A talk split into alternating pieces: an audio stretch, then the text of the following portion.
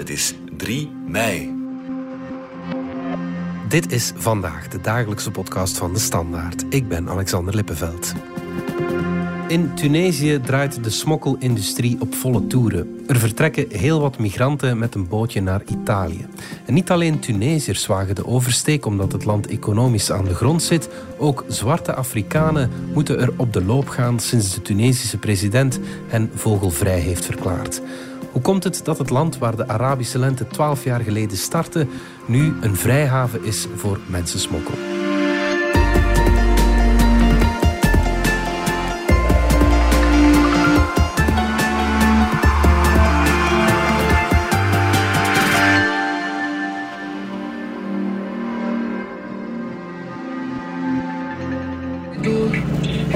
Ik zit in de auto met uh, twee smokkelaars. En ze hebben net muziek opgezet. Ze hebben net helemaal uitgelegd hoe dat ze migranten naar Europa brengen. En, uh, en nu brengen ze mij terug naar mijn hotel. Dat is uh, een van de meest uh, gestoorde interviews die ik ooit heb gedaan.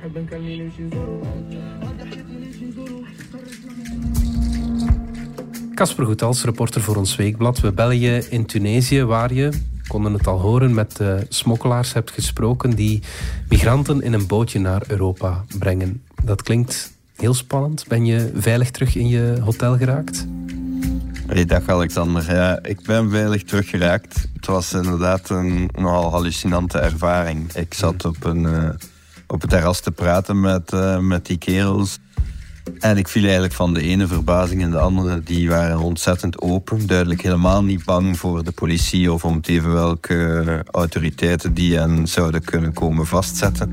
Mhm. Maar dan op het einde zit ik daar in die Toyota die uh, mij naar het uh, Ibis Hotel terug meebrengt. En uh, ik moet zeggen, ik zat daar toch met een klein hartje. Ja. Vooral omdat je denkt aan wat dat het, het verhaal achter die, die smokkel is. Al die al die honderden mensen die alleen al via deze route uh, niet overleven. Uh, Europa dat al jaren zegt, dit is onze absolute topprioriteit. En plotseling zit je daar met twee jongens in de, in de auto die, die vertellen... dit is hoeveel we vragen voor een uh, zitje in een boot. Dit is wat we doen om te zorgen dat we er heel rijk van worden. En wat voor gasten zijn dat dan, die, die mensensmokkelaars? Zijn dat gewone jongens zoals jij en ik? Of is dat vooral veel bling-bling en, en, en show? Wel, ik zou niet zeggen zoals jij en ik, Alexander. En een van de twee wilde graag uh, Hassan genoemd worden. Toi, tu peux choisir un nom. Hassan? Hassan. Okay. Dat is een jongen van 25. Die had rond zijn uh, pols een uh, horloge van Bulgari van 10.000 dollar. Die had een beetje gelige ogen. Later bleek waarom. Hij zei dat hij heel graag cannabis rookt. En hij zat de hele tijd voortdurend tijdens ons gesprek van zo'n uh, een waterpijp te roken met aardbeismaak. En die blies de hele tijd zo die dikke rookwalm van zoete aardbeigeur. Zo. Mijn kant op, terwijl hij mij heel strak aankeek en ook de hele tijd provoceerde van... Wat vind je er nu van, hè? wat ik allemaal vertel? Dat was duidelijk de hele tijd zo Kijk mij hier eens, ik heb stoere verhalen. Ik word rijk met een verschrikkelijke trafiek. En ja. uh, probeer mij maar eens te veroordelen.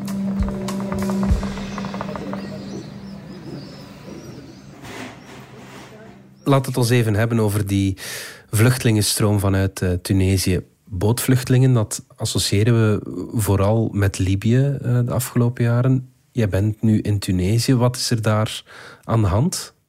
In Tunesië is er in snel tempo een nieuwe route ontstaan die de voorbije jaren vooral bestond uit Tunesiërs zelf. Mhm. Maar de laatste ja, acht, negen maanden, sinds de zomer vorig jaar, zien we daar een nieuwe groep uh, migranten bij komen. In het najaar begon dat al, uh, waar er plotseling uh, steeds meer mensen uit Guinea en Ivoorkust ook die, die route begonnen te nemen.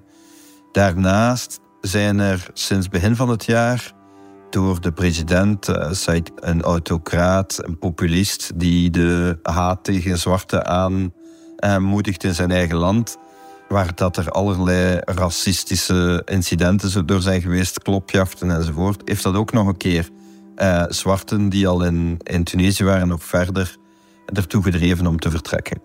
En op die manier is Tunesië dit jaar eigenlijk bijna out of the blue uh, Libië voorbij gegaan. Hè? Dus hm. in de eerste vier maanden van het jaar zijn er bijna 20.000 mensen in Italië die aangekomen zijn uit Tunesië. Tegenover 17.000 uit Libië.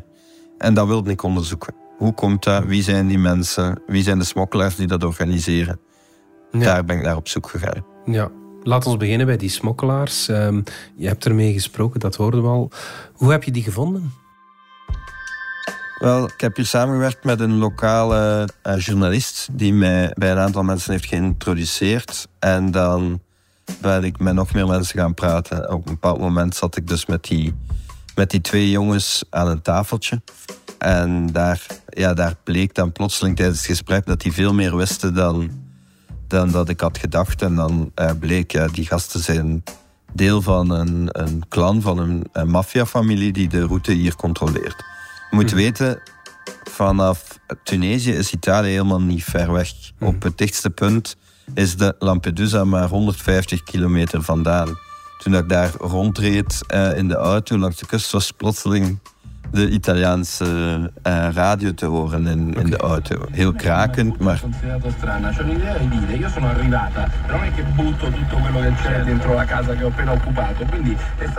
Dus super interessant hoe dichtbij dat, dat is.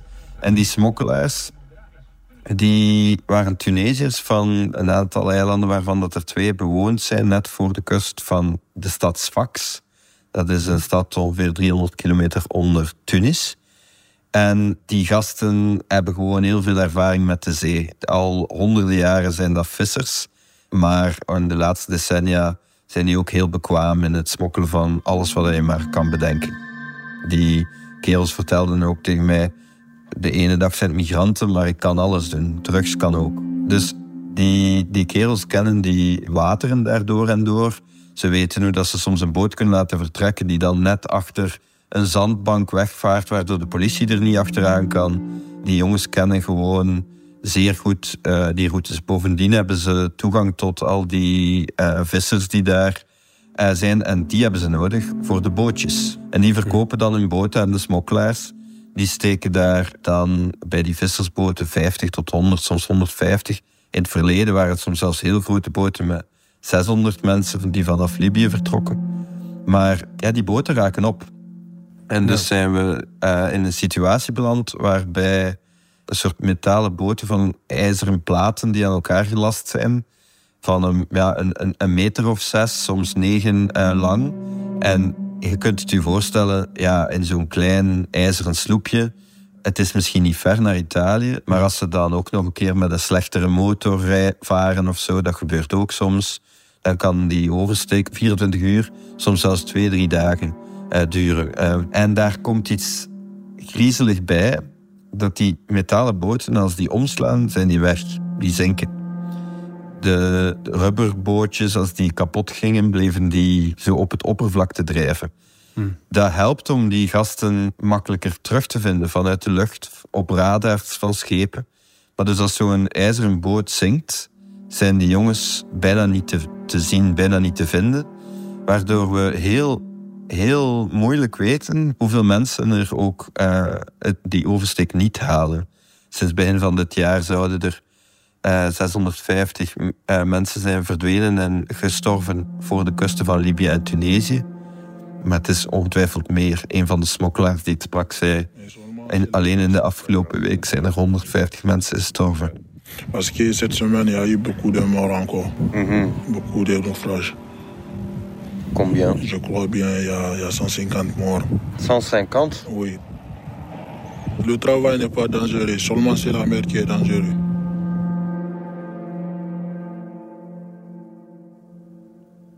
Wat vragen die smokkelaars voor zo'n oversteek? Wel, dat varieert. De route vanaf Sfax wordt vooral gebruikt door Tunesiërs en gebeurt nog altijd vooral via uh, houten boten. En die houten boten, daar zijn de prijzen voor Tunesiërs, vertelden die twee jongens mij, Uh, tussen de 3500 en de 4500 dinar. Dus dat is tussen de 1000 en de 1500 euro. Voor een Afrikaan die op die boten stapt, is de prijs hoger. Die betaalt 7000 dinar. Omdat als uh, smokkelaars tegengehouden worden met uh, Afrikanen, vliegen ze veel langer de cellen. Ook als er niemand is gestorven. Omdat, zoals ik daarnet zei, die Tunesische president met zijn racisme uh, heeft uitgesproken van iedereen die Afrikanen helpt met de smokkelroute gaat 30 jaar de cellen. 30 ans. Comme ça. Ouais. Les gens tunisiens, tu prends entre un jour et un année. Maar er zijn ook wat dat ze in het jargon wild migration noemen, dus hele ongecontroleerde nieuwe vorm van migratie met die ijzeren bootjes. En dat zijn vooral die Guineërs en die Ivorianen waar dat ik het daarnet over had. En die vertrekken noordelijker uh, dan Sfax, vanaf de kuststrook rond het dorpje La Luza. Dat is een strook van ongeveer 80 kilometer van waar ze vertrekken. En dat is veel goedkoper. Ik heb met een Afrikaanse smokkelaar uh, uit Guinea gesproken. Die zei, bij ons betalen ze 2000 tot 2500 dinar. Dat is 590 tot 750 euro. Maar dus wel veel dodelijker. Hè? Dat zijn die bootjes met 40 man in één uh, ijzeren sloepje. Treden de Tunesische politie en de kustwacht niet op tegen die mensensmokkelaars? Wel, die, jongens uit Sfax vertellen mij dat ze de politie ook heel goed kennen. En uh, als het nodig is, wordt er iemand omgekocht. Maar natuurlijk wil Europa wel dat die kustwacht performanter wordt. En dus investeren ze daarin, proberen ze hulp te bieden. En dat leidt ook wel tot meer boten die worden tegengehouden. Er zijn dit jaar 14.000 mensen tegengehouden. Dat gaat dan vaak over mensen die dan daarna nog een keer opnieuw proberen. Maar de smokkelnetwerken zelf, uit mijn ervaring van de afgelopen week, eh, blijven voorlopig goed georganiseerd en buitenschot die Afrikaanse smokkel vanaf de kust bij La Luza is out in the open. Uh, daar ben ik uh, in een olijfboomgaard. Ja, plotseling was ik daar in een soort van zandoase. Waar dat er bij een paar gebouwen honderden zwarte Afrikanen zaten. Dat was ook heel angstaanjagende situatie. Trouwens, toen ik daar uitstapte, reden er plots allemaal uh, Tunesiërs op motorscooters rond mij die mij zeiden dat ik moest vertrekken. En uh, ja, dat is heel uh, akelig. Mm. Maar er zijn veel van dat soort point de départ, zoals ze dat noemen, vertrekpunten, waar die gasten gewoon in het, in het wilde weg die migratie kunnen organiseren. Ik vroeg aan die smokkelaar, oh, komt de politie hier dan nooit? Weten ze niet dat jullie hier zijn? Ja, zo nu en dan vallen ze hier binnen, dan vlucht iedereen. En dan halen ze onze rugzakken leeg, dan bestelen ze ons, want ze weten dat er veel van die gasten die in die bootjes gaan stappen veel cashgeld bij hebben. En iets aan de smokkel zelf doen is nauwelijks te zien. Ik heb zelfs gehoord dat soms de bootjes die gebruikt worden gewoon worden teruggekocht van corrupte uh, grenswachters die hen hebben aan slot gelegd. Dus uh, een smokkelaar koopt dan gewoon die, die sloep terug van de kustwacht die hem net heeft tegengehouden. Nog even over die, over die smokkelaars zelf. Hoe praten ze over hun werk? Want ergens weten ze toch... Ze weten één, dat ze illegale dingen aan het doen zijn natuurlijk. Maar twee, dat ze mensen zelfs de dood insturen. Knaagt dat niet aan, aan hun geweten? Ja, verschillende smokkelaars hebben daar een verschillende reactie op. Die Hassan was echt een schurk. Kan het eigenlijk niet anders zijn. Die uh, zei, ja, wat zou ik daar wakker van liggen dat mensen sterven? Hij zei letterlijk... Je pleurt ton mère, ne pleure ma mère. Ta mère pleure, ma mère ne pleure pas. Als jouw moeder uh, aan het huilen is, dan is de meide content. Want dan kan ik uh, brood op de plank brengen, want daarmee verdien ik geld. Anderen waren daar dan weer anders op aan het reageren. Die zeiden van, ja, ik vind het wel echt vreselijk vind het zeer lastig. Uh, er was vorige week een ramp met Tunesiërs uh, waar 15 eh, jongens omkwamen en vier het overleefden. En een van die smokkelaars had het daar toch wel moeilijk mee. Die zei van, ja, dat was met het suikerfeest. Dat was echt wel een domper op alle vieringen. We hebben daar echt ja, allemaal mee omgerouwd. toch blijft hij dan nieuwe mensen in bootjes zetten. En, en de uitleg daarvoor is, het gebeurt toch. Het enige wat wij doen is faciliteren. Het is niet onze verantwoordelijkheid.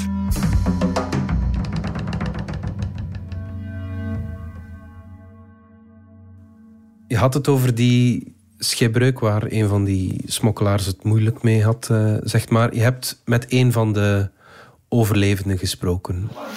Shoes off, hè? Ja, ja. Hier. Ah ja. Hamdoor. Hamdoor. Hamdoor. Oké, dit is de seat. Hoe was dat? Ik moet zeggen, eh, ik uh, volg migratie ondertussen uh, zes jaar en ik heb nog nooit zo kort na zoiets verschrikkelijk erbij geweest als iemand daarover vertelde. Casper, enchanté. قال لك تحب تجاوب باللونج ليه جاوب باللونج ليه انا فهمت he said he can understand but Right. he, he doesn't like uh, really speak Die jongen is 23. What's your name? Gisteren Gisteren Komt uit een dorpje op het Tunesische platteland, Regep. En hij was in een bootje gestapt op 17 april. on 17th of April it was a Monday 10, 10 p.m. Dat was vier dagen voordat ik er was. Dus we waren eerst eh, acht uur aan het varen en, en het ging eigenlijk goed. We speelden nog gezelschapsspelletjes op onze telefoon. Er was een meisje in de boot van zes die eh, paardje reed op de schoot van haar papa. Het leek eigenlijk bijna een reis. Maar ehm, ja, ze waren om tien uur s'avonds vertrokken en acht uur later, rond een uur of zes, in de ochtend, werd de zee heel wild. and then you know we were listening to the sound of the wave hitting hitting the boat hitting the, uh, the the wood of the boat and we were listening to i mean the sound of something getting broken slowly En sloegen de golven de ene na de andere keihard tegen die boot. En plotseling zegt dat meisje van zes die op de bodem van dat bootje lag... Water, water. Er is water in de boot. En eh, die boot, het was een houten boot, begon vol te lopen. En heel wat eh, van die passagiers zijn beginnen hozen, als gekken. two hours and a half trying to deal with it you know Uh, maar ondertussen bleef die zee op en neer dalen.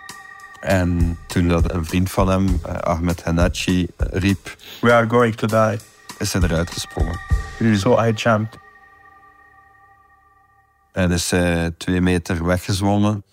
En heeft hij gekeken hoe dat het schip... En hij maakte zo een wiegende beweging met zijn handen. it was doing like this and this the first time Nog één keer naar links, the second time nog één keer naar rechts. the third time it capsized En dan omsloeg. it was upside down En hij, ja, hij dacht dat iedereen eh, dood zou zijn. and you know they were under it so i said look those people died and let me i mean pray for god That I will survive. yes And then what you do? Do you swim to the boat again to hold on to it? بعديك مشيت رجعت لل وبقيت ما في باريس نعرف فلوكا في بالي مشيت مع البوز ولا بالي En dan plotseling hoorde hij vanaf de boot... Houd de boot vast, houd de boot vast, de boot gaat ons redden. Dus er hadden een paar het wel overleefd. Ze waren met zes met hem erbij. The, I found six, five people uh, holding uh, the, the boat and I was the sixth.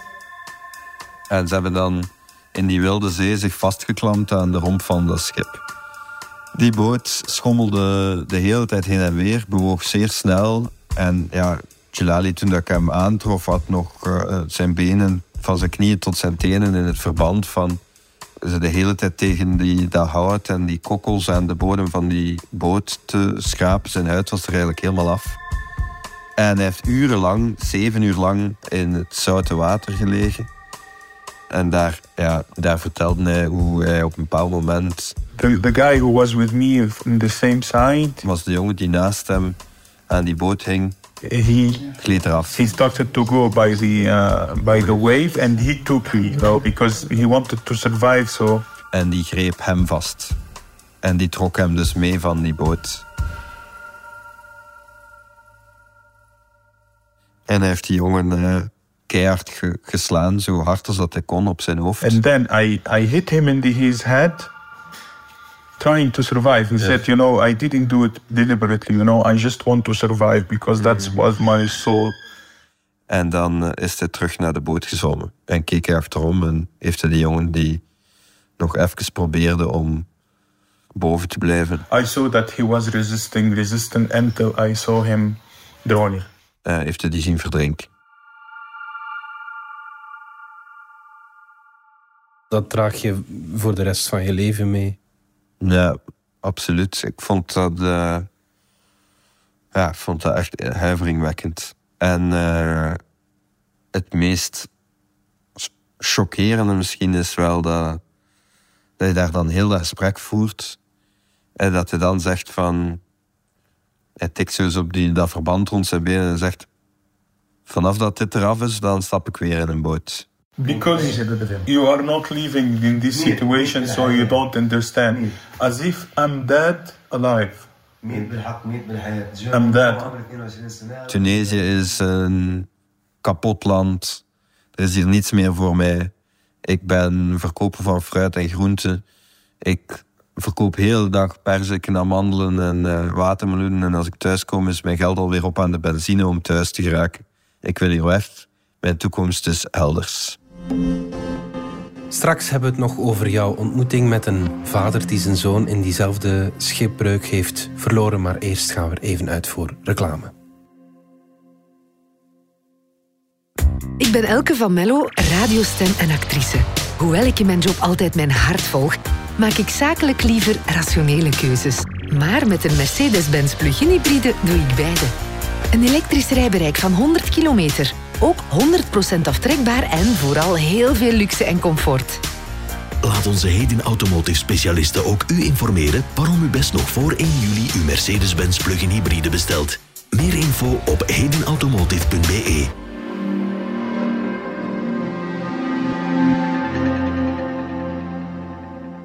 Kasper, terug naar die schipbreuk waar je het net al over had. Je bent niet alleen met een man gaan praten die de schipbreuk heeft overleefd, maar ook met de, de vader van iemand die waarschijnlijk gestorven is in diezelfde schipbreuk. Ismaël, een man van 60, die is woedend.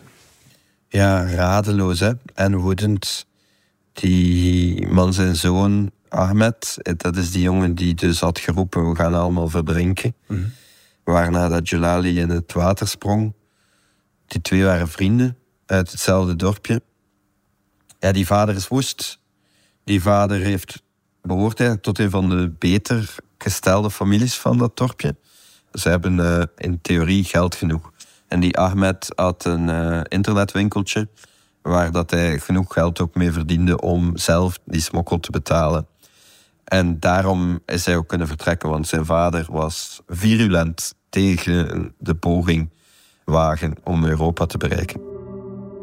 Hij heeft een half uur, drie kwartier keihard zitten afgeven op uh, Europa, dat onze jeugd lokt. En waarom zet Europa de grenzen op? Het klonk eigenlijk alsof hij met een rechtse politicus in Europa aan het, uh, aan het praten waren. Het is open grenzen en humanitairen uh, en NGO's die helpen Tunesiërs met eten en drinken en geld en onderdak. En die tonen dat dan weer op TikTok en Facebook met video's en dat verspreiden propaganda om op die manier nog meer mensen te lokken. Die zag er een heel complot in. Ik heb hem gewoon laten, uh, laten vertellen, om eerlijk te zijn. Hij was zo boos. Ik had geen zin om meteen zomaar te, te discussiëren met hem. Mm. Maar er zaten wel een aantal interessante aspecten in wat dat is. Zoals die TikTok-filmpjes. Uh, als je op een Tunesische TikTok kijkt, zie je jongens die tonen hoe leuk het is in Rome en Parijs en Brussel. Mm. Tonen hoe, hoe dat ze het hebben gemaakt in Duitsland. En je ziet niemand die TikToks maakt natuurlijk als ze onder een brug slapen en in de keuken van een restaurant in zwart worden uitgebuit. Dat hmm. tonen ze niet. Dus het klopt dat die, ja, dat, dat, dat vertekend beeld van het zogenaamde Europese succesverhaal, de het beloofde land, eh, dat dat een enorme impact heeft. Maar goed, eh, ik heb hem ook proberen uitleggen dat juist eh, Europa op dit moment er alles aan doet om migratie aan banden te leggen, eerder dan het omgekeerde. Ja. Uitgelegd hoe dat er um, een hele lijst aan ministers uh, op weg is naar Tunesië om, om zo snel mogelijk die nieuwe route, hoe dan ook, te sluiten of, of zo dicht mogelijk te krijgen. Onze eigen minister van Buitenlandse Zaken, uh, uh, Labib, die gaat in opdracht van de Europese Commissie Buitenlandse Zaken samen met haar Portugese collega in mei naar Tunis om te rapporteren over de, de situatie en zo snel mogelijk tot een oplossing te proberen komen. Ze zijn nu dus ja, een, druk debat aan het voeren. Twee weken geleden in de Europese Raad was eh, Tunesië een van de eerste onderwerpen. Ik heb dat aan, aan die man een beetje uitgelegd, maar ik had ook geen zin in een twistgesprek met iemand die op zoek is naar zijn zoon. Het is een man die ja, wanhopig is, omdat hij geen nieuws heeft over zijn 27-jarige zoon die niet is teruggekeerd. En wat kunnen die oplossingen of die maatregelen van Europa zijn? Kan er niets gedaan worden tegen die mensensmokkel? Want dit is een verhaal dat we al jaren horen. Hè. Het lijkt een onmogelijke eh, strijd.